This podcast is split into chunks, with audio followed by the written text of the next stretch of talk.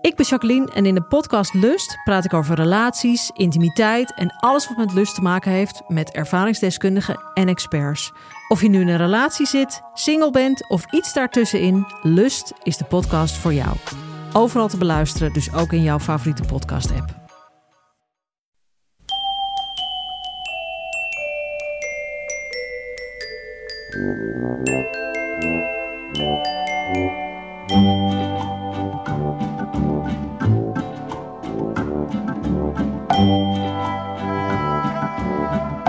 Welkom bij aflevering 445 van Echt Gebeurd.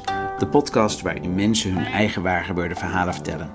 Deze week een verhaal dat Maureen Kamphuis in mei vorig jaar vertelde tijdens een verhalenmiddag rond het thema dromen.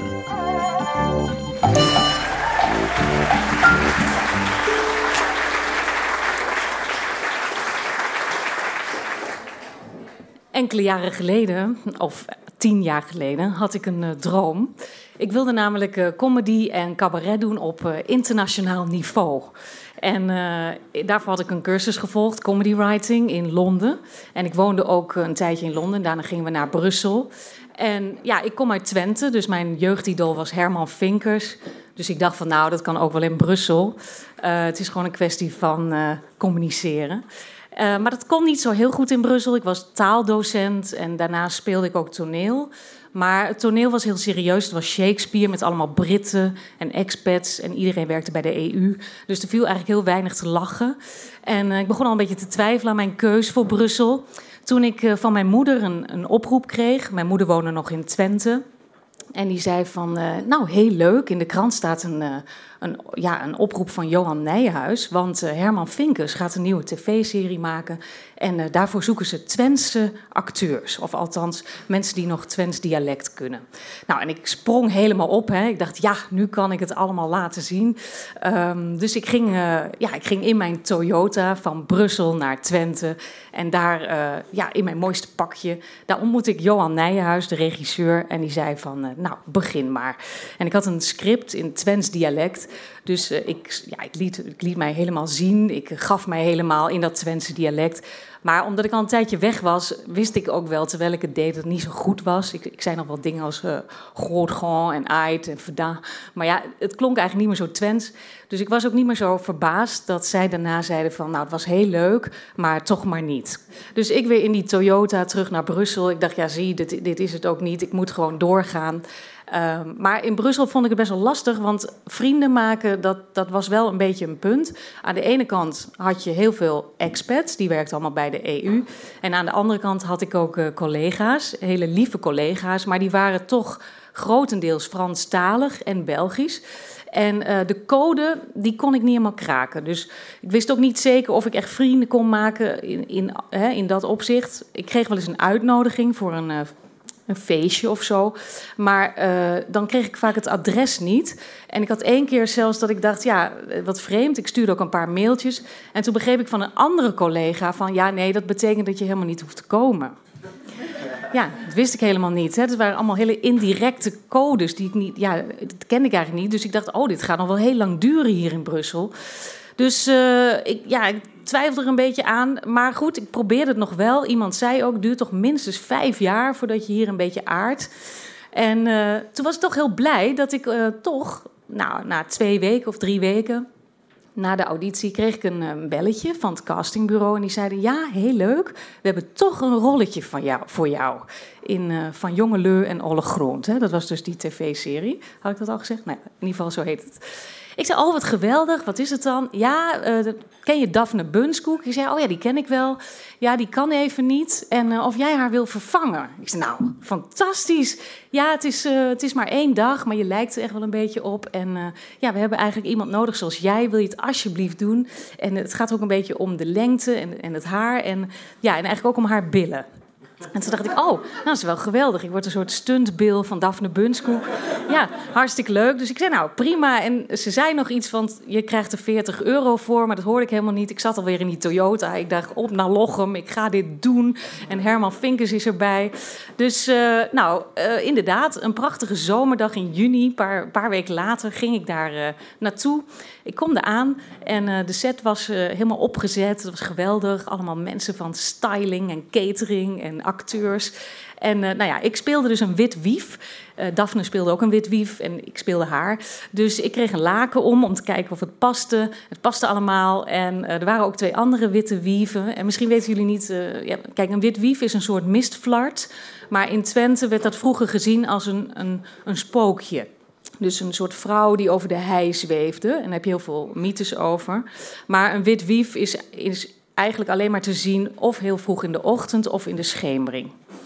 Nou, het was negen uur of tien uur toen ik daar kwam. En de twee andere witte wieven waren Marion en nog iemand. En uh, waren gewoon hele leuke mensen. Daar had ik meteen in de gaten. En of wij even wilden wachten.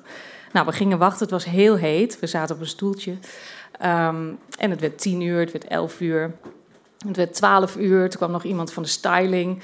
Um, ja, die bood ons wat schoenen aan. Ik zag al wel dat Marion en ik heel erg op één lijn lagen. Want het meisje van de styling, die praatte heel veel. Die zei heel veel dingen om één ding uit te drukken. En dat was namelijk pas deze schoenen even. Maar daar had heel veel zinnen voor nodig. Uh, en Marion, ja, die was gewoon lekker direct. Die zei, nou, geef mij die schoenen nou maar. Dan uh, pas ik ze wel even. En dan uh, tot zo. Nou ja, dat, daar schrok het meisje wel een beetje van. Maar ik dacht, kijk, Marion, met haar lig ik op één lijn. Dus het was een heerlijke, ja, heerlijke middag eigenlijk. Ik zat er in de zon te wachten. Maar er gebeurde eigenlijk verder niet zoveel. En um, ja, wij, zaten daar, we kregen het steeds heter. Ik zei tegen Marion, volgens mij komen we helemaal niet meer aan de beurt, joh. Ja, jawel, dat is gewoon omdat een wit wief, die zie je alleen in de schemering. En uh, ja, daar wachten we even op. En toen zei ik van, uh, ja, maar ik zat hier toch al vanaf elf uur. Nou, maak je geen zorgen, Maureen. Straks komt alles goed. En uh, nou, we zaten daar, het werd drie uur, uh, het werd vier uur, het werd vijf uur. Ik, ik, dacht, volgens mij ben ik nu ook al helemaal bruin, weet je wel. Ik was al helemaal anders geworden dan in de ochtend.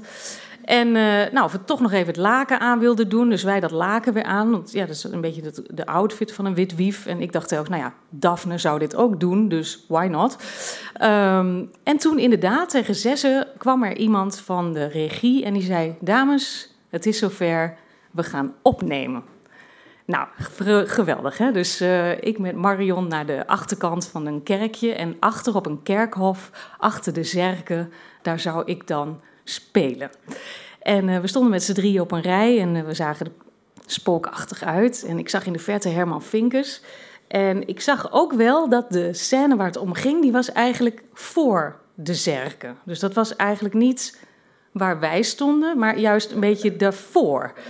En ik zag ook wel dat daar veel leuk gespeeld werd. En wij stonden daar en ik dacht, ja, ik moet nu toch echt alles geven. En op een gegeven moment zei de regie ook yes. Dus ja, ik ging er helemaal in, spoken, de achterkant, hè, vanwege die billen. Maar ook een beetje een stukje, stukje inleving, een stukje method acting.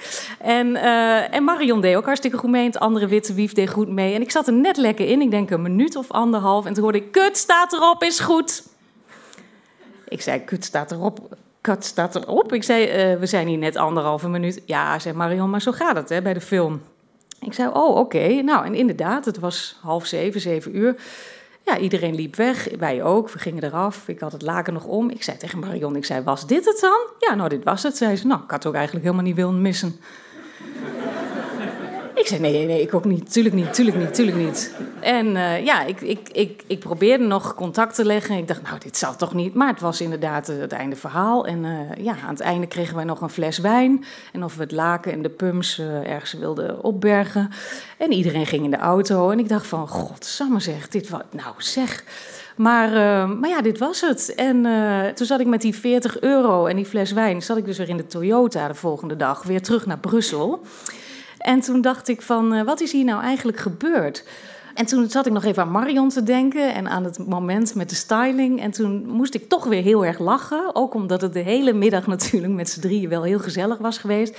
En toen gek genoeg dacht ik van ja, zo met Marion en met de tukkers lekker lachen, zo'n dag in de zon, is eigenlijk toch nog wel weer leuker dan de grijze dagen tussen de gebouwen van de EU. En toen ben ik teruggereden.